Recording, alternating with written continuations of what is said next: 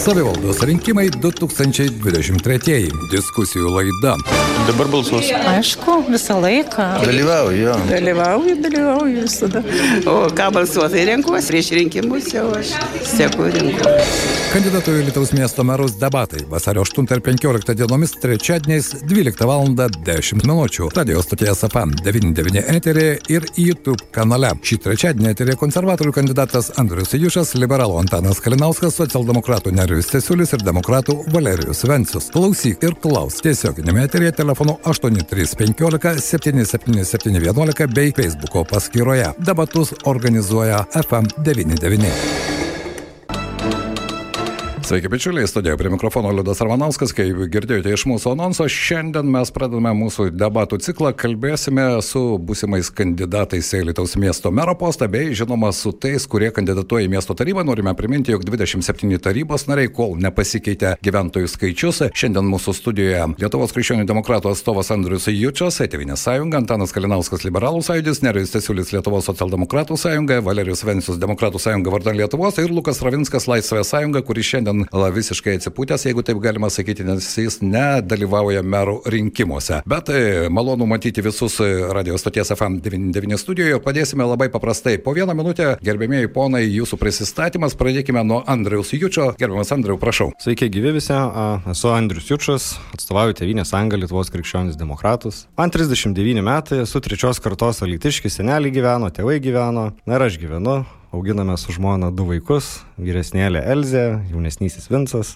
Baigiau Jotvingių gimnaziją Alytoje, vėliau išvykau mokytis į Vilnių. Teisę baigiau bakalaurą, grįžau dirbti į Alytų. Dirbu atliekų tvarkymo centre, padalinio vadovu, jau 15 metai. Esu atsakingas už atliekų rušiavimą, atsinaujinančią energetiką. Nuo 2016 metų esu renkamas į miesto tarybą. Manau, kad uh, turiu pasitikėjimą, turiu patirtį, taip pat esu ir Šaulių sąjungos narys. Gal trumpai tiek. Kągi dėkojame, Andrius Jučias, Nerijus Cesulis. Jūsų minutę laiko, prašau. Sveiki, esu Nerijus Cisiulis, man 41 metai, esu gimęs ir augęs Alytuje, čia auginu savo vaikus. Čia pradėjau mokintis mokykloje, toliau čia teisėjau studijas aukštojo mokykloje, toj pačioje aukštojo mokykloje ir kurį laikotarpį dirbau, dėšiau, bandžiau atiduoti savo geriausias žinias, kurias įgyjau gyvenime, galbūt kitose aukštose mokyklose atidaviau savo patirtį jaunimui. Prieš 16 metų pirmą kartą mane e, buvau išrinktas į miesto tarybą, e, ketvirtą kadenciją, e, gavau miestiečių pasitikėjimą. Prieš keturis metus miestiečiai 60 procentų litiškių pasitikėjo manimi ir išrinko miesto meru. Šiuo metu einu šias garbingas pareigas ir labai tikiuosi, kad tas pasitikėjimas nepranyks ir, ir ateinančius rinkimus vėl miestiečiai pasisakys už mano kandidatūrą. Kągi dėkojame Nerijui Cesuliui, kągi jūs visi lakoniškai į minutę laiko puikiai telpate, galbūt politinė patirtis jau yra dar vienas kandidatas šių metų rinkimuose, Antanas Kalinauskas, jūsų minutę laiko prašau. Esu Antanas Kalinauskas, pedagogas pedagogas, laisvalaikiu skautauju daug, turiu nuostabią šeimą, su kuriais irgi esame skautai. Studijavau Šiauliuose ir studijų metu Šiauliuose turėjau darbą, turėjau gyvenamą plotą ir 2008 metais su būsima žmona mes turėjom pasirinkti kelią. Žmona iš Anykščių, irgi iš Žalio krašto ir mes pasirinkome savo ateitį susisieti su Alytumi. Atvykęs į Alytų, nes aš esu iš Alytaus rajono, atvykęs į Alytų aš supratau, kad savo likimą sprendžia, arba žmogus likimą sprendžia du dalykai. Tai pirmas dalykas jis pats, tai yra darbo pasirinkimas, gyvenimo plotas ir visa kita. Ir antras - politikai, kurie priima sprendimus, kokius mokesčius mokėti, kiek susimokėti už darželį ar už prailgintos darbo dienos grupę ir taip toliau. Tai šitoje vietoje aš taip nusprendžiau eiti į politiką, kad sprendimai būtų priimami logiški, logiški tiek žmonėms, tiek miesto biudžetui, nes to reikia. Ir aš žvelgiu į tą politiką taip, kad tai yra mano ateitis kaip alitiškio. Dėl šitos priežasties aš neišvykau niekada į užsienį gyventi ir dirbti, nors turėjau galimybę. Tai mano vizija, kad alytus gali klestėti, tik reikia labai gerų, protingų, pamatuotų sprendimų. Kaip ponas Antanai, minutė 25 sekundės, šiek tiek daugiau laiko. Lukas Stravinskas, Laisvės partijos atstovas, jų partija nekelia kandidato į miesto merus, bet kadangi dalyvauja savivaldos tarybų rinkimuose, šiandien žodis ir jums. Prašau. Ačiū, esu Lukas Stravinskas, kaip jau gerbiamas Liudas minėjo, kandidatai merus nekeliam, bet subūrėme kandidatų sąrašą į Eltos miesto miesto savivaldybės taryba. Tai kandidatų sąrašas yra pakankamai jaunas, entuziastingas, e, nusiteikęs atnešti pokyčių į miesto savivaldybės tarybą. Ir taip pat galėčiau sakyti, kad matyt turime istoriškai daug moterų sąraše, net 75 procentai kandidatų sąrašų yra moterys. Tai ko matyt būtų galima pasidžiaugti, nes, na, kaip matyti, įsivaizduojame e, e, politikus, tai tas statistinis kandidatas yra 50 metų amžiaus vyras. Na, o už ką mūsų sąrašas, e, tai Mūsų vizija, kad Alitus turėtų būti jaunatviškas, atviras ir įtraukus miestas. Na ir kaip, kadangi pagrindė kandidatuoja jaunimas, tai daugiausiai pasiūlymų turim švietimo sričiai ir jaunimo įtraukimo ir galinimo sričiai, bet matyt dar apie konkrečius prioritetus pakalbėsime truputį vėliau. Ačiū. Kągi, dėkui Lukui, Valerijus Vencius ir jūsų minutę laiko. Sveiki kolegos, sveiki mėly alitiškiai. Esu taip pat alitiškis ir gimęs, ir augęs čia, man 55 metai, esu baigęs Kauno technologijos universitetą, įgyjęs vadybos mokslų magistro laipsnį, daug metų dirbau bankuose, taip pat vadovau sodrai. Esu tarybos narys, pirmą kadenciją nuo 2019 metų, esu turbūt vienas iš aktyviausių tarybos narių, parengęs trejetukę, esu parengęs kažkokį nemažą kiekį sprendimų projektų. Ko gero tiek. Kągi, dėkojame. Visi kandidatai pasinaudojo savo minutę, na, o dabar, ko gero, bičiuliai, galime pakalbėti apie tai, kas reikalinga mūsų miestui. Tad tai norėčiau galbūt pradėti nuo labai paprasto klausimo. Jeigu peržvelgti visas jūsų rinkiminės programas, jos iš tikrųjų išsamios, aš tikiuosi, kad mūsų rinkėjai taip pat jomis domisi, bet pradėkime nuo vėl iš, kair, iš dešinės į kairę šį kartą vėl. Andris Jučias, aerodromas. Ko gero ir praėjusią kadenciją, ir prieš prieš tai buvusio tas pavadinimas figuravo ne kartą. Investicijos iki 27 metų galima surasti tokį sakinį jūsų programoje. Viskas labai gražu, atsinaujinti energetiką, paslaugų centrai. Bet mano klausimas labai paprastas. Kaip tai padaryti? E, klausimas ir paprastas, ir nepaprastas. Iš tikrųjų priklauso nuo to, kokius žmonės e, miestiečiai išrinks į miesto tarybą. Jeigu taryba bus panaši, kokia dabar buvo, kuri, na, iš tikrųjų turėjo e, gal kiek kitokį matymą, ne, ne, tam aerodrome, sakykime, vis dar buvo vizijų, kad leisis lėktuvai, skraidys lėktuvai, nors aviatoriai, mano galva, jau turėjo savo galimybę, jos neišnaudojo. Mm, aerodrome šiuo metu tuoj miškas užauks, medžiai pradėjo aukti, tai to a, aerodromo neišnaudojimo potencialo, na, kaltininkų yra, bet, bet į praeitį tikrai nenorime darytis, norime žiūrėti į priekį. Matome, a, kaip mūsų na, visa komanda trejetą vietų, kurioje, kuriuose tikrai galima būtų vystyti vienokį ir kitokį verslą. Vienas iš jų yra aerodromas, kita teritorija Medelino teritorija, kurią persėmė savivaldybė ir trečia vieta Šiaurinis pramonės parkas. Tai jeigu didžiausias iš jų tai yra aerodromas, iš tikrųjų privažiavimas neblogas, infrastruktūra, komunikacijos tikrai yra e, privestos arba galima labai nesunkiai atsivesti į tam tikrą vietą, bet, bet tikrai matome galimybę, nes na, miestas jisai bus tvarus tada, kai, kai iš tikrųjų na, turėsime kažkokią tvarę ir, ir, ir užtikrintą tą pasiūlymą darbo vietų.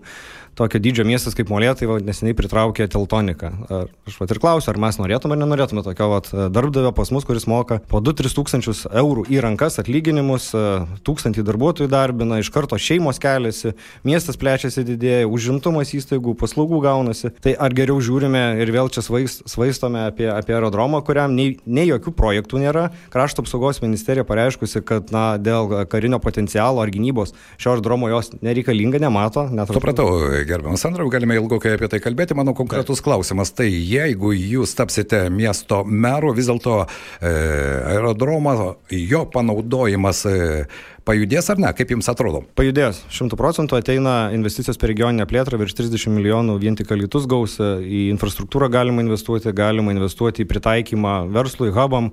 Tai aerodromas yra iš tų vietų, kur, kur tikrai vieną noriu ką pasakyti, tikrai nebus jokios taršios gamybos, nebus jokių kaminų, bet paslaugų centrai ar, ar, ar startuoliam verslo ar, ar tvarios energetikos įmonės galėtų ten steigtis. Kągi, vokiečiai visoje Europoje ieško dronų poligonų ir pasiruošia investuoti iki pusės milijardo vien tik tai tam, kad apsaugoti savo aerodromą aerodromus ir jie dabar tai daro Lenkijoje, nors kai kurie specialistai sako, jog tai puikiai buvo galima daryti Lietuvoje. Aš prisimenu vieno iš ekonomisto prieš aštuonis metus pasiūlymą aerodrome steigti būtent dronų poligoną ir jų bandymo poligoną, bet dėja ta situacija nepasikeitė. Nerijus Cesiulis, jūsų programoje gerinsime investicinę aplinką, skatinsime verslumą. Kas neleido to daryti šios kadencijos metu? Tai aš manau, kad viskas leido ir nuvažiuosite į pramonės parką, kai prieš tris metus ten buvo miškas, tikrai tą žodžio prasme. Ten mes kažkada investavome, arba miestas investavo kažkada milijonus. Ir tiesiog tie milijonai nebuvo investuotojų, per tą laiką užėjo miškas ir,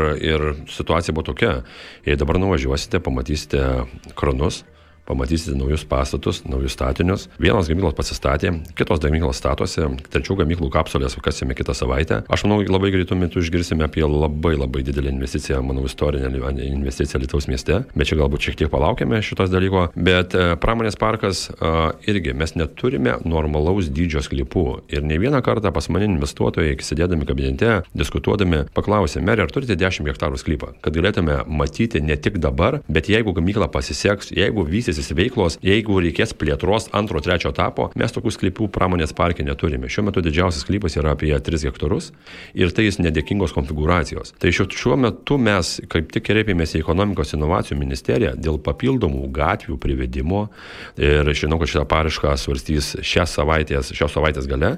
Ta bus paraiška tvirtinama dėl meistrų gatvės privedimo, nes pirmiausia reikia sukurti infrastruktūrą, kelius, sklypus, suvesti komunikacijas, o tada kviesti investuotojus. Kviesti investuotojus taip pasakyti, kad ateikite į laukus. Taip, mes turėjome galimybių kalbėti su rajonu, tačiau rajono savivaldybė, kurį laikotarpį e, e, lygtai vienoje ir kitoje vietoje sakė, kad ne, nėra laisvos žemės dabar, nes įsipirko saulės jėgainės ir panašiai.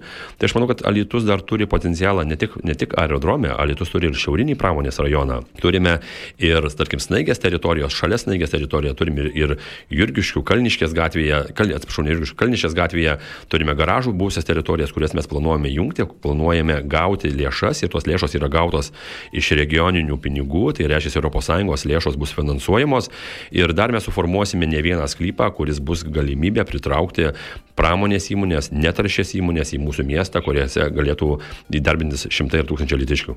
Na, o dabar paklausykime mūsų klausytojų. Labadiena, kuo jūs vardu?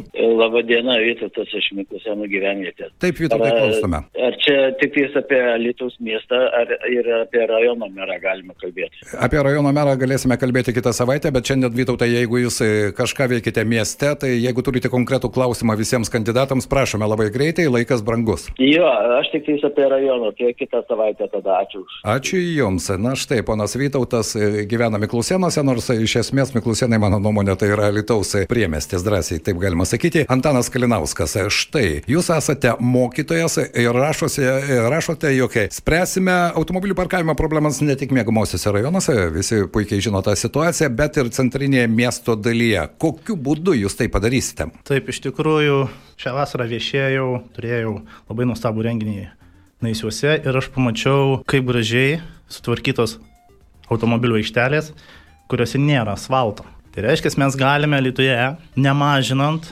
želdinių plotų, įrengti papildomas aikšteles. Tai susijėtumėm mes su energetiniu išteklių taupimu.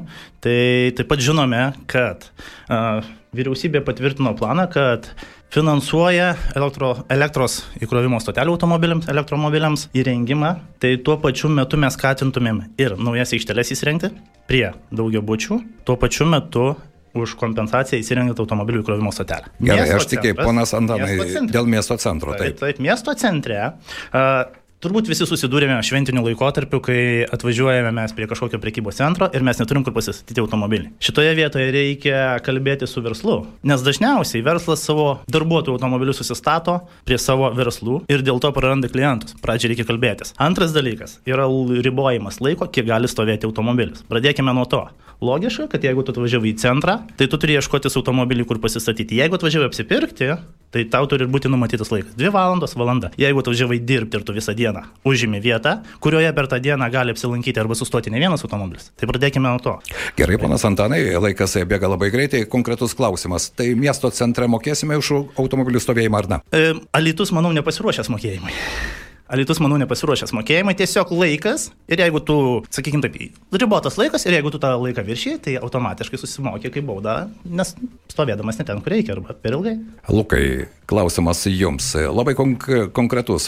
Daugelis kandidatų į miesto merus neliečia vienos temos, kuri mano nuomonė yra labai aktuali, tai yra švietimo sistemos pertvarka. Ir aš prisimenu praėjusią kadenciją visi ėjo su ta vėliava, kad reikia ir prieš tai kadenciją daryti pertvarką švietimo sistemoje. Kokia jūsų pozicija ir ar įmanoma ją padaryti? Nes štai tūkstantmečio mokykla dėja į pirmąją etapą nei viena gimnazija, nei viena mokykla iš Alitaus nepateko. Kokios priežastys čia atskira tema, apie tai mes jau kalbėjome ir su ministerijos atstovais. Tai štai, švietimo pertvarka. Tai tie švietimo pertvarka, man atrodo, buvo padaryta labai daug e, klaidų praeitie ir aš manyčiau, kad nebereikėtų kiršinti ir judinti bendruomenių, kurios buvo labai stipriai sukiršintos praeitų valdžių, kai būdavo pasakoma, kad uždarysim vieną mokyklą, vėliau jinai buvo neuždaroma, tada būdavo pirštų bedama į kitą mokyklą ir jinai vėl taip pat buvo neuždaroma ar neperkeliama ar nesujungiama ir panašiai. Mano galva, nebereikėtų e, judinti bendruomenių, nebereikėtų sakyti, kad vat, štai ieškosim, ką čia būtų galima uždaryti, optimizuoti. Mes turėtume vertinti ir žiūrėti, kaip galime išnaudoti tuščias liekančias patalpas mokyklose. Kitas aspektas, vat, vakar kaip tik teko lankyti su Seimo nariu Putinų gimnazijoje. Putinų gimnazijos administracija užsiminė, galbūt būtų galima pažiūrėti ir įvertinti, kiek na, mokinių renkasi tam tikrą gimnaziją ir galbūt pasižiūrėti, kaip nukreipti tą mokinių srautą sureguliuoti. Bet vėlgi čia reikėtų matyti tarti su visom gimnazijom ir nežiūrėti tik tais, ką viena mokykla norėtų, kad pas juos visi mokiniai miesto mokytus. Tai numatyti taip nebus. Tai aš manyčiau, kad šiuo metu tikrai pertvarkos jokios nereikėtų siūlyti ir jeigu nusprendėm nieko nejudinti, tai taip ir komunikuokim, kad nieko toliau ir e, nejudinsim ir pirštais nebedžiosim bendruomenės. Tai jūs, e, kiek, e, sekundėlę, to aš tik tai, e, jūs sutinkate su to, ką pateikė švietimo skyriaus vedėjas Vitolis Valūnas, kad viskas pas mus gerai, nieko nereikia tvarkyti. Kaip yra, taip ir bus. Pertvarka e, dabar nereikalinga. Taip, e, Andrius Ujičias norėjo replikuoti, prašome. Iš tikrųjų, yra mažėjančių mokyklų ir neužilgo turėsime panašu, kad vieną mokyklą, kur bus mažiau šimto mokinių. Tai ką mes turėtume toliau ieškoti plotus, nuomoti, kiek ten toliau bus mokykla, o kiek tenai bus atskirai kažkas jau.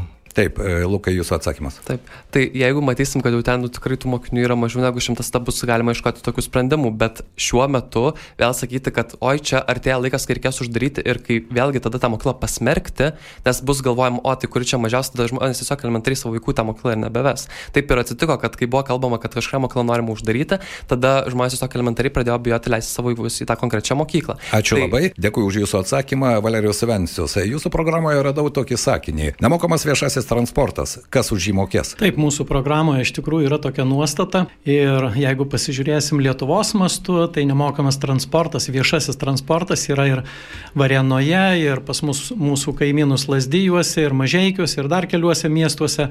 Todėl mes tikrai matom realias galimybės, kad viešasis transportas ne tik dėl to, kad jisai būtų nemokamas, bet dar ir dėl to, kad žmonėms būtų patogu, kad, kad tai būtų vienas iš, sakykime, kažkokiu tai e, pritraukimo ir užsienyje gyvenančių, ir iš kitų rajonų galbūt galvojančių apie Alytų žmonių pasirinkti būtent Alytų, o ne kažkokį kitą miestą, o taip pat ir ta vadinama žalioja energetika, kai jeigu bus nemokamas ir plus patogus tvarkarašiai, tvarkarašiai geri, geri autobusai, Tai žmogus, ko gero, tikrai pirmiausiai pagalvos, gal man, pirmia, gal man reikia važiuoti į darbą ar kažkur kitur su tuo nemokamu viešuoju transportu ir palikti savo automobilį arba net jo neįsigyti.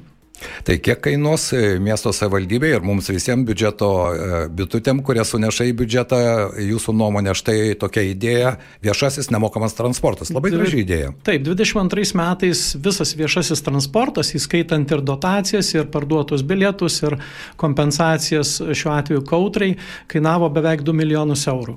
Tai yra atsakymas - beveik 2 milijonai eurų. Kągi, Bet reikia pažymėti, kad didžioji dalis, tiksliau, mažoji dalis yra pajamos už bilietus, o didžioji dalis yra savivaldybės biudžeto lėšas. Kągi, vėl važiuojame nuo Andriaus Jučio. Klausimas labai paprastas. Alitų žaliasis miestas. Atvažiuoja visi gyrė, ar ne? Turime nemoną, turime žalius plotus. Tai mano klausimas labai konkretus. Ar Alitus vis dar yra žaliasis miestas? Jeigu prisimenate, per pastaruosius keletą metų išpjauta šimtai medžių, elektromobilių stotelių infrastruktūra pradėta, dabar keičiamos sąlygos, tai kasgi šiame mieste mūsų žalia? Ar tik žodžiai, ar ir reali situacija? Prašome, visi ponai į tą patį klausimą, jeigu galima. Na taip lengvai neišmušite iš, iš, iš, iš miesto miesto žalumo.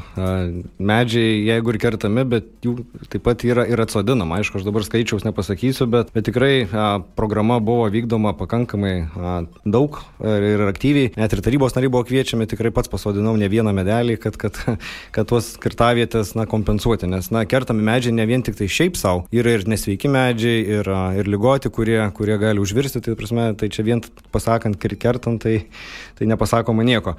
Antras dalykas apie žalumą. Taip, akivaizdu, kad e, po truputį taršomobiliai turės palikti e, pasaulį, e, Europą, tuo pačiu ir, ir tos Europos ir pasaulio dalis yra ir miestas mūsųelytus. Neužilgo baigsis tiksliau kitą kadenciją, gal net įpusėjus baigsis viešo transporto, apie kurį vakar tik kalbėjome, sutartis.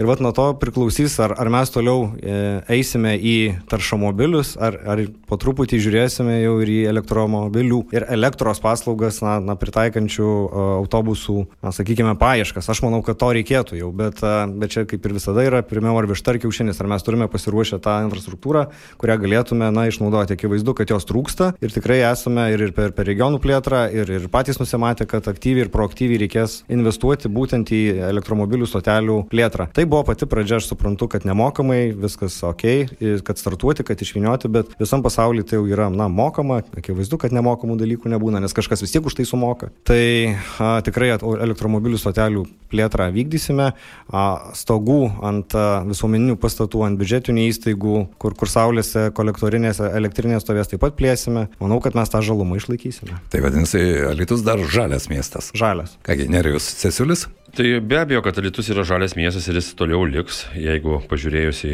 šios kadencijos darbus, mes matome, kad beveik 60 procentų savivaldybės valdomų pastatų jau yra gavę finansavimą saulės jėgainėm, kai kurių jau uždėta, kai kurios jau dedamos, kai kurių stogai yra stiprinami, kad atsirastų saulės jėgainės ir 100 procentų elektros energijos pasigamintų patys iš saulės. Toliau, jei matome apie biokūrą, tai mes žinome, kad e, Alitus praktiškai šiais metais 90 procentų šildymo sezono šildėsi biokūru. Tai yra yra labai geri skaičiai ir, kaip žinome, privatus investuotojas investuoja su ministerijos pagalba dar į vieną biokūros statyklą, tai praktiškai būsim nepriklausomi nuo rusiškų dujų. Jeigu apie medžių pjovimą, taip, kai kurie medžiai, kurie buvo išpjauti prie Ramanausko mokyklos, labai gaila, tačiau kiekvienais metais e, mes atsodiname maždaug po 12 tūkstančių papildomų medelių. Kitą kadenciją mes suplanavome apie 50 tūkstančių medelių, įrengti naujus likiškių parkus arba atnaujinti, arba dasodinti juos, įveiklinti Viskirio e, parką parkus ir panašiai. Jeigu mes kalbam apie e, elektromobilius, tai miesto savivaldybė yra suplanavusi, patvirtinusi planą 60, tai yra 30 dvigubų stotelių elektromobilių krovimo vietų mieste, kurios bus įrinktos, tačiau jos bus mokamos, tiesiog atvažiavai, kad tau yra infrastruktūra, bet tu už ją susimokė. Ir apie miesto autobusus, šiandieną vyksta prasidėję pirkimai yra dar penkių elektro, elektrobusų, tai reiškia, mūsų parkas 30 procentų bus jau elektrinis, o iki ir tai bus finansuojama iš ES lėšų, o kadencijos gale tikėtina, šios kadencijos ateinančios kadencijos gale bus 50 ir daugiau procentų mūsų parko elektrinių. Tai šitoje vietoje plus renovacija visų mokyklų ir pastatų darželių, mes turime labai gerus duomenis, kad ateityje visi bus renovuoti ir sąnaudos, šiluminės sąnaudos, elektros sąnaudos sumažės per pus. Panas Antanai, esate fizikas, puikiai žinote, ar ne, kas tai yra žalesis kursas ir žalesis miestas. Jūsų atsakymas. Žaliasis miestas, aš galėčiau pasakyti dviejopai. Pirmas dalykas tai yra ekonomika, infrastruktūra, medžiai, gamta, aplinka. Aš norėčiau labiau atkreipti dėmesį ne į tai. Tai yra veiklos gamtoje, ko lytui trūksta. Medžių mes galim prisodinti, prisodinti už, užauks. Bet aš praėjau per parką ir nuėjau toliau. Atvažiavo svečias, pamatė gražius medžius, labai gyrė Lietuvos gėlynus, tikrai gražu, bet ką veikti toliau toje gamtoje? Tai va man žalias miestas, kai alitiškis nebėga prie ežerų, nes tą žalumą gali pajausti mieste. Tai yra erdvių įkūrimas, pramogų įkūrimas, tai kas yra žalia. Man kaip skautui, tai aš mielų norų su palapinė nevažiuočiau kur nors prie ežero miegoti, o saugiai Lietuvoje aikšteliai specialioje įrengtoj su šeima praleiščiau naktį. Ir tai būtų smagu. Mums to reikia ir tai yra žalumas. Žalumo žmogus pavai išvažiuoja pasiimti kažkur kitur, nors mes žalias miestas. Supratau, Lukai, jūsų nuomonė, štai kalbant apie tą žalį į miestą. Tai vakar kaip tik Lietuvoje lankėsi Seimo aplinkos apsaugos komiteto narys Kasparas Adamaitis ir vat diskutavom apie tą Alitaus žalę įvaizdį, kur manęs paklausė, tai kaip apibūdintum Alitų, tai aš pirmą žodį ir pasakiau žalias miestas. Nu ir taip man Kasparas sako, nu bet žinokit, yra miestų, kurie jau lenkia Alitų, nu, ta, ta pati tauragė ir, ir, ir panašiai. Tai visų pirma, reikėtų pažiūrėti, ką galime vizualiai padaryti, galbūt tam tikrų gatvių humanizavimas, žalių barjerų sukūrimas, atitvarų, kur mažintų tiek taršą, tiek triukšmą nuo gatvių bet yra kiti dalykai, kur, na, ne tik apie tiesioginę prasme medžius kalbama. Tai yra viešųjų pastatų aprūpinimas elektra iš atsinaujinančių energetikos išteklių ir tas, tas pats paminėtas viešas transportas, na, tikrai galima pasiekti, kad jisai būtų pilnai elektrinis, kai ta, ta sutartis pasibaigs. Tačiau galima ir pasigirti vienoje vietoje, tikrai Lietus pirmauja pagal maisto atliekų surinkimą, tai šitoje vietoje, na, tikrai esam žalias miestas ir matyti Lietuvoje išsiskiriam. Valerijus Vencius, jūsų žalio miesto vizija, Voveraitės ten šokinės, nežinau, ar šokinėjo dabar, bet vis dėlto. Ja, iš tikrųjų, tai daugelį dalykų kolegos jau paminėjo, nesinorėtų kartotis, bet vėlgi pabandysiu kitų kampų dar šiek tiek tą žalę miestą apibūdinti. Jeigu, sakykime, skristumėm lėktuvu ar pakeltumėm droną virš Alitaus, taip jisai žalias yra, bet jeigu net pasižiūrėjus į tą patį Alitaus miesto sodą, jisai ir žaliu, žalias likti ir gražus, bet reikėtų sutvarkyti tą kelius, reikėtų su, sutvarkyti kitą infrastruktūrą, reikėtų, kad ir tas pats toletas prie miesto, miesto sodo veiktų, ar ten jaunimo parke veiktų ir žiemos metu. Kas liečia tą tikrąją žalio miesto, sakykime, ekonominę pusę ar infrastruktūrą, Tai iš vienos pusės mes kalbam, kad žalias miestas ir ateityje daugės ir elektromobilių, daugės ir stotelių, bet nepamirškim, kad elektromobiliai ir dabar, ir artimoje ateityje turės tam tikrą kainą ir svajoti, kad tikrai greitai bus jau e, elektromobiliai didžioji dauguma e, mūsų litiškių transporto priemonėmis taps, tai neverta. Antras dalykas, mes jau turim Turim dvi transporto priemonės, viešojo transporto priemonės autobusus varomus elektra, bet dėja nepasiruošta, reikėtų į tai atkreipti dėmesį, kad galinėse stotelėse arba patogiose vietose jau būtų tos įkrovimo stotelės. Tai iš vienos pusės mes lyg ir deklaruojam, kad ir žalės, ir vizualiai, ir, ir, ir sakykime, kas liečia infrastruktūrą, bet iš kitos pusės reikia labai labai pamatuoti ir plačiau ir giliau į tą, į tą žalio miesto viziją žvelgti. Kągi, ačiū Jums. Nu, dabar labai paprastas klausimas ir prašau atsakyti vienu žodžiu. Svarbiausia sporto šaka Lietuvoje. Futbolas. Gerbiamas Neriau. Futbolas. Antanai. Lukai. Futbolas. Valerijus. Futbolas, ko gero. Na, Vytautai, tu esi futbolo gerbėjas, tai vadinasi, turi džiaugtis. Visi politikai arba kandidatai į miesto merų sako, kad futbolas yra pagrindinė sporto šaka Alituje. Tada galbūt e, pradėsime su dar vienu klausimu, šiek tiek atsipalaidavimu, po to sugrįšime prie rimtesnių temų. Gerbiamas e, Valerijau, jūsų pats netinkamiausias būdo bruožas būti miesto meru? O, geras klausimas. Ko gero atsakysiu, kad tokio būdo, tokio bruožo neturiu. Pagirtinas kuklumas. Lukai, jūsų uh, mero nėra, bet uh, taryboje, tarybos rinkimuose dalyvaujate, tai kokiagi jūsų ta savybė, kuri netinkama miesto tarybos nariui? Uh, Matyti, esu per daug greitai užsidegantis, tai bijau, kad kartais galiu susinervinęs ir pakeltų tonų pakalbėti. Na, tokių ir dabartinėje miesto taryboje netrūksta. Ponas Antanai?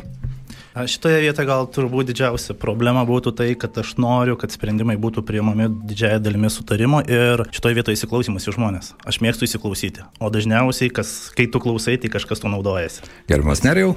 Mano savybė gal nekantrumas, nes noriu, kad uh, procesai pat būtų padaromi. Jei nusprendė, kad jau būtų kitą dieną atsirastų, tačiau savivaldybėje pirkimai, projektai, rengimai, techninių projektų, apskundimai ir visi kiti dalykai įsitempia, nors atrodo pinigus turi, bet tie dalykai įsitempia iki labai labai ilgo laikotarpio. Tai nekantrumas yra, norėtųsi, kad greičiau viskas vyktų, bet čia reikėtų ir valstybės pagalbos, kad būtų sudarytos sąlygos greičiau tuos procesus valdyti. Andriau, jūsų nuomonė? Yra toks išsireiškimas vinioti į vatą, tai nemėgstu labai vinioti į vatą, iš tikrųjų. Esu, nu, jeigu, jeigu klausia manęs, tai dažniausiai stengiuosi pasakyti realią situaciją ir, ir geriau neprisimeluoti, bet, bet pasakyti, kad kaip yra, net nesvarbu, kad neišpildysi to lūkesčio, bet, bet pasakyti realiai, kad nusunku jį arba neįmanoma įgyvendinti. Tai čia tinkamiausias ar netinkamiausias brožas? Aš... Tinkamiausias būtų, jeigu aš geras politikas, na, jisai sako, turėtų įtikinti rinkėją, nors ir žino, kad meluoja. Tai jūs esate šventas žmogus, jeigu neturite ne vieno tinkamo netinkamo brožo. Nesu šventas. Nesat šventas. Gerai, tvarko. Jeigu nesate šventas, tada klausiu klausimas labai paprastas. Į Alytų greitų laikų atvažiuoja Ukrainos prezidentas Volodimiras Zelenskis ir gerbiamas Valerijau.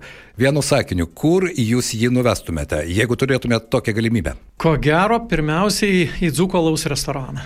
Ačiū. Lukai, o kur jūs tokį garbingą svečią galėtumėt nuvesti Lietuvoje? Na, tai tikrai reikėtų parodyti Baltosios rožės tiltą. Nu, manau, tikrai išskirtinis vaizdas. Ponas Antanai? Paprastas atsakymas - Laisvės angelas. Gerbiamas Neriau? Tikrai nuvešiu į pabėgėlių registracijos centrą, kurį mes išskirtiniai turim vieni Lietuvoje ir jis veikia iki, šios, iki šio momento. Ir šiandieną tikėtina, mačiau ryte ataskaitą, 11 ukrainiečių atvyko į Lietuvą ir mes juos paskirstėme per Lietuvą, kad jie turėtų kur gyventi, sutikėme pirmą pagalbą, padavėme pagalbę ir nuraminame, kad viskas čia yra gerai ir čia yra jiems saugu. Andrau, jūsų? Tai nieko nebus originalus, dvi mintys ir man sukosi pabėgėlių registracijos centras ir Laisvės angelas. Tiesiog simboliškai. Na, o dabar pakalbėkime apie tą patį Baltosios rožės tiltą ir Dainų slėnį. Jūsų nuomonė, turėdami tokį objektą, kuris yra unikalus, mes netgi per naujus metus nesugebėjome ten pritraukti, nors kur kas mažesni miestai sugebėjo pritraukti kur kas daugiau žiūrovų ir lankytojų. Ar jums netrodo, kad vis dėlto ir tiltas, ir Dainų slėnis kol kas tai yra vienkartinio apsilankimo vieta? Aš nekalbu apie litiškus, aš kalbu apie turistus, miesto svečius ir nuo Andriaus vėl mes pradėsime. Šį klausimą pateikiu visiems mūsų pašnekovams. Iš tikrųjų tai taip, kol kas tai jis yra vienkartinio apsilankimo vieta ir, ir, ir tikrai reikėtų, kad na, ne tik tas tiltas trauktų, nes, bet yra dar viena problema, yra žmonės, kurie to tilto net nėra matę ar užlipę, kurie tiesiog negali prieiti, nes na, iš apačios atvažiavus reikia veikti didelę didelę įkalnę, laiptus, kurie sveikatos neturi, o automobilį palikus e, kitoje gatvėje, na, kitoje pešių tako pusėje prie, prie vadinamų tų traukinukų dabar jau e, tektų žygiuoti didelį kelio gabalą, tai irgi tiesiog e, reiktų pagalvoti ir apie tos žmonės, kurie dar negali judėti. Bet apie, apie tai, kad pats Dainų slėnis galėtų tapti ta kita vieta, kur, kur trauktų žmonės, jaunimą, turiu kelias nuomonės. Esu bandęs ir, ir bandėme, aš pradėjau lauko kino teatrą. Tai ke, keletą kartų rodėme filmus būtent dainų slėnyje, labai geras aidas eina tada nuo, nuo, nuo, nuo, nuo viso šito nemono pa, panemunės į Lelyjų gatvės pusę. Iš karto susilaukėm labai daug skundų. Na, bet Lietuvoje čia turbūt jau yra įprasta, kad jeigu kažkokią veiklą darai, tai kažkas jau nepatenkintas. Tai... Andriu, tada klausimas labai konkretus. Jūs galite ilgai pasakoti, kiek seniorų, tai yra pensinio amžiaus žmonių gyvena Lietuvoje procentais? Statistikos neturiu, bet manau, kad... Kiek įsivaizduojat maždaug? 50 procentų. Deja, gaila, bet jau daugiau. Neriau, jūsų tai atsakymas. Žinote, kol mes kalbame, kas galėtų būti, aš pasakysiu, kas bus šitoje vietoje. Tai Dainų slėnis tuo išgyvens renesansą ir šitoje vietoje kitą savaitę pradedamas jau po biškelį renkti naujasis pešiųjų takas kitoje Nemono pusėje, tai nuo vadinamo tūkstančio tilto iki, iki mūsų piliakalnio, tai jau prasidedame tvarkybos darbai, prasidedama jau, jau e, paruošimas tam tikros e, pešiųjų tako vietos, kur jinai bus, kur bus apšvietimai suleliai. Dainų slėnis yra e, šiuo metu gavęs 2,3 milijono eurų investicija regioniniuose lėšose ES. Tai reiškia, kad mes su bendruomenė susitarsime, ką mes norim daryti - atnaujinti amfiteatrą, atnaujinti aikšteles, atnaujinti privažiavimus, apšvietimus ar visus kitus dalykus. Be abejo, dailidės ežerėliai, kur irgi išgyvens su renesansą, nors ir dabar jie visą laiką yra lankomi, ten irgi yra papildomos lėšos su miesto sodo tvarkybos projektu, yra virš 2 milijonų, kur bus tvarkomos miesto sodas ir dailės ežerėlių prieigos, viešiai tualetai, įrengimai ir visi kiti dalykai.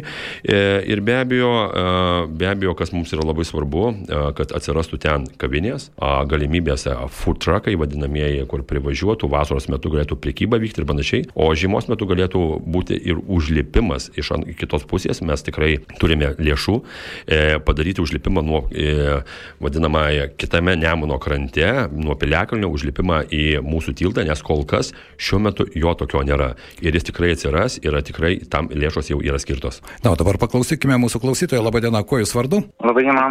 Taip. Um, norėčiau išlikti anonimas.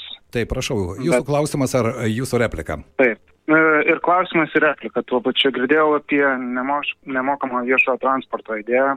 Čia jinai labai populiari, visam pasaulyje apie ją kalba ir panašiai.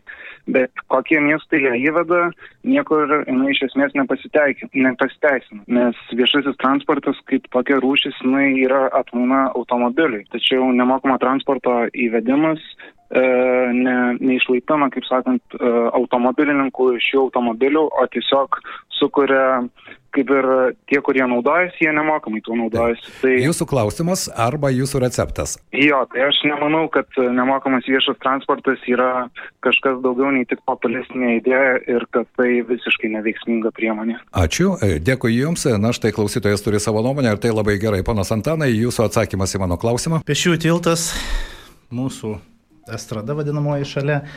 Čia viena ta problema - toli nueiti. Pirmas dalykas, aš turiu du vaikus. Kai renginiai buvo vienam vaikui šeši metai, tai vaiką vestis 10 minučių ir paskui dar 20 nešti, tai yra sudėtinga. Antras dalykas, kas man labai nepatinka Lietuvos renginiuose, kad mes renginį darome su visokiais gėrimais ir visa kita. Ir toje pačioje erdvėje, kai man šalia vaikas stovi ir su vaiku būni, tuose renginiuose ir šonė rūko, geria ir visokiai žodžiai. Alitų šeimų miestas, sorry žmonės, bet jeigu miestas, tai truputį atskiriam tuos dalykus. Tai va būtent čia yra didžiausia problema, kodėl aš vengiu tokių renginių. Mes geriau nueinam po, nes Galėčiau replikuoti, tai iš tikrųjų savivaldybė ne vieną kartą sprendė, leisti lengvąjį alkoholį, tarkim, alų ir sidrą prekiauti ar neleisti. Tai jei pažiūrėsim į politiko, policijos statistikas, kadangi mano žmona policininkė ir tikrai e, kiekvieną dieną kalbuosi apie darbus, tai per šias miesto dienas nebuvo sulaikytas nei vienas asmuo dėl muštinių, dėl girtumo ir, ir dėl kitų dalykų. Tai reiškia, kaip tik įleidė, neatsineša kuprinėse stipraus alkoholio, neprisimaišo Coca-Cola buteliukus viskio ar brendžio ir nepradeda gerti kažkur pasislėpę už medžių medžių. Tai tas lengvasis alkoholis, kuris yra kainuoja, tau turi dar išlaukti eilėje, kol tu prieisi. Tai vieną bokalą išgerus, tai yra, aš manau, pasaulis jau nueina į civilizaciją, kad gali sauliaisti, jei esi protingas. Jei neprotingas, uždraudė, o tada būna, kas būna ir mes turėjom statistikų labai daug. Aš norėčiau pratesti, kadangi jūs neišklausėt mano minties iki galo, tai dabar aš noriu pratesti. Iš tikrųjų, aš nesu nei prieš alkoholį nieko, tik reikia atskirti. Kaip sena užstoja priekybi, šitų priekeivių palapinės. Nieko neužstoja užstoja dėja, miesto dienos buvo ir visa kita, nes pagalvo, pasižiūrėkite, kiek tam toj aikštėje buvo palapinių, kurios užstoja ir tu su vaikais tiesiog pasirinkti arba būti toliau arba išeiti. Alkoholiui Taip, vieta, bet galėtų būti toliau. Nori išgerti, išgerk. Nori Suprat, kažkur. Taip. Tai Supratau, ponas Antanai Lukai, jūsų nuomonė, Dainų slėnis ir Baltasis rožės tiltas, ar mes tikrai išnaudojame ir ar įmanoma išnaudoti, jeigu galima trumpai, laikas bėga greitai. Taip, tai e, meras papasako apie planuojamas investicijas ir pokyčius, tai matyt bus galima vertinti po to, kai bus tie nauji objektai pastatyti ir ten prieinamumas pagerintas ir padintas. Taip, bet taip ir yra, kad nu, pirmiausia reikia sutvarkyti infrastruktūrą, norint normaliai tą erdvę išnaudoti ir pilnai integruoti tą dainų slėnį į miesto gyvenimo, gyvenimą ir renginius, kurie vyksta ir na, e, tiesiog stengtis pritraukti e, renginius jau tiesiai į tą dainų slėnį, kai bus tvarkyta ta visa strada ir infrastruktūra, tada man atrodo turėsim e, kitokius atsiliepimus apie tą vietą. Valerijus? Labai paprasta iš tikrųjų. E, turime Tarzaniją, nors jinai yra žalitaus, bet tikrai ir švenčių metu, ir, ir tiesiog kasdien savaitgalį žmonės plūsta ne tik iš žalitaus. O kodėl? Todėl, kad ten graži vieta, tokią pačią mes turim ir prie Dainų slėnio, todėl, kad ten galima skaniai ir, ir nebrangiai ir jaukioje aplinkoje pavalgyti. Ir todėl, kad ten yra judesio, ten galima pasportuoti, galima tiesiog, tiesiog pabūti, e, galima palaipioti. Tai ko gero iš savivaldybės, iš, iš mero, iš tarybos narių pusės reikėtų tiesiog sudaryti sąlygas, kad verslas investuotų. Pirmiausiai tai kviesti, parodyti, ką, ką gali suteikti savivaldybė ir po to jiems akivaizdžiai, nu, realiai padėti tą padaryti. Aš gal dar vieną repliką, aš manau, kad čia mes taip liktai save plakame, kaip viskas negerai, bet aš manau, kad mes pradėjome tęsti praėjusios kadencijos prevencijos darbus ir miesto dienas perkeliame iš rotušės nuo asfalto į būtent į Dainų slėnį. Išasfaltavom Basinavičiaus gatvę iki galo, kad būtų patogu mamoms ateivažiuoti su vežimėlį, su paspirtukais ir panašiai. Mes šiais metais drifto e, turnyras, kuriame, kuris tikrai pritraukė daug, gražių, daug žmonių. Liepo 6 renginys. Mes nuo rotušės aikštės, nuo to asfalto, kai 30 keli laipsniai, mes perkelime ten, kur yra gražu. Tai mes tik tai patys darykime ten renginius ir, ir tikrai žmonės ateis ir tūkstančiai tūkstančiai žmonių ten ateis. Na, mes paklausykime ir mūsų klausytojų. Labadiena, kuo jūs vardu? Aliau? Labadiena. Taip, kuo jūs vardu? Donatas. Donatai, klausome jūsų, jūsų klausimo ar jūsų replikos. Matau čia daug e, gražių ponų prisirinkę ir norėčiau taip e, vieną kartą taip e, pasiklausti, kada bus įdarbyta mūsų, sakykime, sporto arena. Nes, nu, sakykime, kas liečia renginius, tai Lietuvoje yra didžiausia tragedija, nes nei kažkokie koncertai vyksta. Taip ar dar kažkas. Nu, ta arena, jinai tokia tik tais sportui, o kodėl, sakykime, pasižiūrėjus reklamas, sakykime, koncertai vyksta tuliai, panevežys, ar trūksta žmonių, ar kas, ir kaip spręs šitą dalyką, kad renginiai vėl grįžtų į elį. Supratau, Donatai, ačiū Jums už klausimą ir taip, nuo Valerijos galbūt pradėkime, vienu sakiniu atsakykime į tą klausimą, ar įmanoma įdarbinti Lietuvos sporto rekreacijos centro areną? Iš tikrųjų, tai įmanoma. Man nėra žinoma, kodėl sporto arenos vadovai ar, ar administracijos kiti darbuotojai nekviečia, neorganizuoja tų renginių. Aš dar puikiai prisimenu prieš penketą ar daugiau metų ir, ir šokių, pramoginių, sportinių šokių ir, ir, ir kitokie visokie renginiai ir koncertai buvo. Kiek suprantu, jūs sakote, Todėl, kad gero, įmanoma tai yra, padaryti, ar ne? Tai yra taip įmanoma, ko gero reikia, kiek aš žinau, ten techniškai truputį garso, garso aparatūrą sutvarkyti, apšvietimą ir greičiausiai tai yra vadybinės problemos. Taip, Lukai, jūsų nuomonė, ar įmanoma įdarbinti areną? Tai žinoma, kad įmanoma, tiesiog reikia, kad savivaldybė tam skirtų prioritetą ir papildomą finansavimą. Turint pinigų, galima ir prikviesti renginius padaryti. Panas Antanai, o jūsų nuomonė? Sportiniai renginiai tikrai įmanoma, o kalbant apie didelius koncertus, problema yra tame, kad atsiperkamumo kaštai yra pakankamai maži, nes kai pastatome sporto toje arenoje sceną, žiūrimumo vietų sumažėja ir automatiškai turėtų užbrangti bilietai. Tai įmanoma ar neįmanoma? Didelius renginius, ne, manau, kad ne. Neįmanoma. Na, aš jums galiu pasakyti, štai druskininkuose viename muzikinėme bare arba restorane bilietas kainuoja 30 eurų, žmonės perka ir eina. Neriau, jūsų atsakymas. Tai aš galėčiau sakyti biškai kitaip. Sporto arena buvo statyta sportui, ne, ne koncertams, renginiams, nes jeigu pažiūrėjus į techninės galimybės, jei paleidus aparatūrą, žemadažniai garseklibiai, barškas stogas ir jinai nepritaikyta tam, trūksta aukščių išplanavimų ir panašiai. Kitas vertus, tarkim, ta sporto arena yra išnaudojama. Tarkim, už vakar buvau varžybose su Žalgiriu 5000 su trupučiu žmonių. E, šią sekmadienį buvau ir šeštadienį sekmadienį buvau varžybose, rankinio varžybose, kur buvo taurė virš tūkstančio žmonių. Tai sporto arena skirta daugiau sportui, o visos kitos arenos - teatras, kultūros centras, ten tikrai yra apie tūkstančio vietų ar 700 vietų yra erdvės, kur tikrai gali puikiai vykti renginiai ir kur tikrai jos yra pritaikytos tam, kam yra pritaikytos. O, taip, ponas Andrai, o jūsų nuomonė, ar įmanoma sporto areną vis dėlto įdarbinti ne tik sportui? Tai, aš tiesą pasakius irgi teko domėtis, tai dėl techninių galimybių, ką čia kolegos ir vardina, truputį turbūt geriau yra tuos dalykus daryti koncertus kultūros centre, teatre, o dar geriau vasarą dainų slėnį ar kažkur kitur laukia. Kągi dabar klausimas jums po vieną klausimą ir trumpą atsakymą. Andrai, ar esate dalyvavęs svingerių vakarėliuose? Ne. Gerbiamas Neriau, jūs esate paskolinęs 10 tūkstančių eurų privatiems, kodėl skolinate? Tiesiog infliacijas bandau išvengti, kadangi baigiau ekonomikos mokslus, suprantu, kad pinigai šiuo metu ypatingai suvalgomi infliacijos, tai tiesiog, kad jie nebūtų valgomi, tiesiog kažkada tai, bet aš čia paskolinau draugams, giminiai, tai tiesiog, tiesiog, kad būtų formalumas, kad galėčiau po to apsiginti ir mokesčių inspekcija ir visiems kitiems, kodėl ateina pinigai ir vienur kitur. Ponas Antanai, fizika ar mero kėdė, kas svarbiau? Šiuo atveju būtų mero kėdėjų. Lukai, noriu paklausti, ar esate rūkanti žolę? E, tikrai ne, neleidžia įstatymai. Aišku. Gerbiamas Valerijau, klausimas jums. Ar bus alytoje, jeigu tapsite miesto merų auksinio riešutėlio apdovanojimai? Ne. Nebus, ar ne? Ir paskutinis mano klausimas, ir pradėkime nuo gerbiamo Valerijaus. Ar žinote, koks vidutinis atlyginimas alytoje? Vidutinis, mediana. Jeigu bruto, tai apie 1500, beveik 1600. Lukai, jūsų nuomonė? Mm, tikrai neatsimenu. Ponas Antanai? Virš 1500. Kiek jūs gaunate? Į rankas, nes iš tikrųjų aš kitą atlyginimą neskaičiuoju tą, kurį gaunu tiesiogiai. Nu, tai aš Gal. Taip, jūs galvojate, kad šiek tiek daugiau negu pusantro tūkstančio, ar ne? Taip. 1350. Taip. 1400. Na štai, kiek skirtingų nuomonių dabar mūsų klausytojai gali paskaičiuoti, kiek jie iš tikrųjų gauna ir kiek jie sumoka mokesčių į miesto biudžetą. Todėl mano paskutinis klausimas. Tai yra mano subjektyvi žurnalistinė nuomonė. Ar netrodo, kad vis dėlto svarstant miestui reikšmingus dalykus ir dabartinė kadencija šiek tiek per mažai arba, mano nuomonė, sunkiai bendrauja su bendruomenės įvairiomis grupėmis. Irgi vienu atsakymu, taip arba ne. Valerijau, nuo jūsų pradėsime ir... Tikrai per mažai ir aš tą viešai nekartą esu sakęs kai ir, ir smulkesni kažkokie projektai, ir, ir rimtesni, kaip pavyzdys Ledo arena ar ten jaunimo parko e, rekonstrukcija, neaptariami tinkamai ir, ir plačiai neaptariami su visuomenė. Lukai, jūsų nuomonė? Irgi manyčiau, kad per mažai. Čia galime pasižvelgti į per dalyvavimą biudžetą nubalsuotus projektus, kurie yra negyveninti ir tai bendruomenės yra neišklausomos. Ponas Antanai? Taip, kadangi šiandien reaguojam į laiką, tai va būtent su tais įsiklausimų ir diskusijom, manau, jų yra, bet reikia nepamiršti, kad diskusijos užima nemažai laiko ir kai kurie projektai dėl to labai jų gyvenimas išilgėja. Tai kai kuriais atvejais reikia daugiau laiko, bet kai kuriais reikia pamatuoti ribas. Aš asmeniškai aš pats darau apklausas internete, darau savo Facebook profilį, kur tikrai yra iš Lietuvos, bent pažiūrėjau, čia kurią dieną yra 15 tūkstančių žmonių, iš viso yra 40 tūkstančių sekėjų. Tai tiesiog man jie kiekvieną dieną labai greitai atsako į man, mano patiktą klausimą.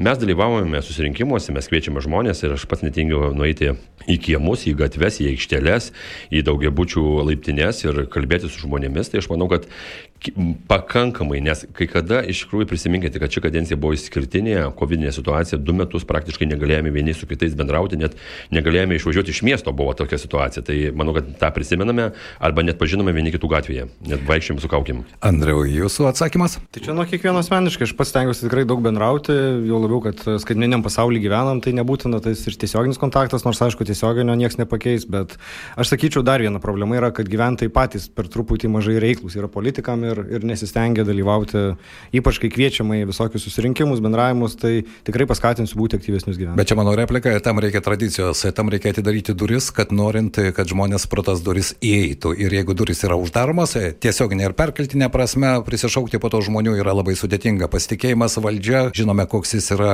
Lietuvoje. Šiandien noriu padėkoti mūsų studijoje viešėjo Tėvinės sąjungos Lietuvos krikščionių demokratų kandidatas į miesto merus Andrius Jučias, Antanas Kalinauskas Liberalų sąjūdis, Nerijus Tesiulis Lietuvos socialdemokratų sąjunga, Valerijos Vencius Demokratų sąjunga vardan Lietuvos, Lukas Ravinskas Laisvės sąjunga, nepretenduojantis į miesto mero postą. Noriu palinkėti jums iš tikrųjų džentelmeniškos garbingos kovos, gerų diskusijų, atsakymų į gyventojų klausimus. Aš tikiuosi, kad iš tikrųjų, ko man trūksta mūsų miesto politinėme gyvenime, tai politinės kultūros. Nes aš nekalbu apie tai, kad visiems kultūros projektams mūsų mieste šiais metais yra skirta veiklai 105 tūkstančiai eurų, turint beveik 100 milijonų eurų metinį biudžetą. Padalinkite iš miesto gyventojų skaičiaus ir jūs sužinosite, kiek kultūrai mes skirsime, nes jau ne kultūros metai šiais metais. Ačiū Jums, kad buvote kartu su mumis. Dėkojame mūsų klausytojams. Mūsų pokalbį ir diskusiją galėsite dar pasižiūrėti ir YouTube kanale. Bet tie, kurie tiesiogiai žiūrėjo, be jokios abejonės, ačiū Jums. Jau kitą trečiadienį mūsų eterėje dar keturi, o galbūt penki pretendentai į Lietuvos miesto mero postą. Ačiū Jums, sėkmės ir būkite kartu. Savivaldos rinkimai 2023. Diskusijų laidas skleidžiama neatlygintinai radio stoties FM99 lėšomis. Ar dalyvausite rinkimuose? Aš tai taip. O jūs? Taip. Visada, kiek buvo rinkimų, visada dalyvau. Reikia, aš manau, Reik. kad reikia eiti. Valdžią įsirinkti reikia, nu. Tai paskui būna bloga valdžia, neeinam ir vėl negerai. Ar į rinkimus eisit? Būtinai. Savivaldos rinkimai 2023. Diskusijų laidas skleidžiama neatlygintinai radio stoties FM99 lėšomis.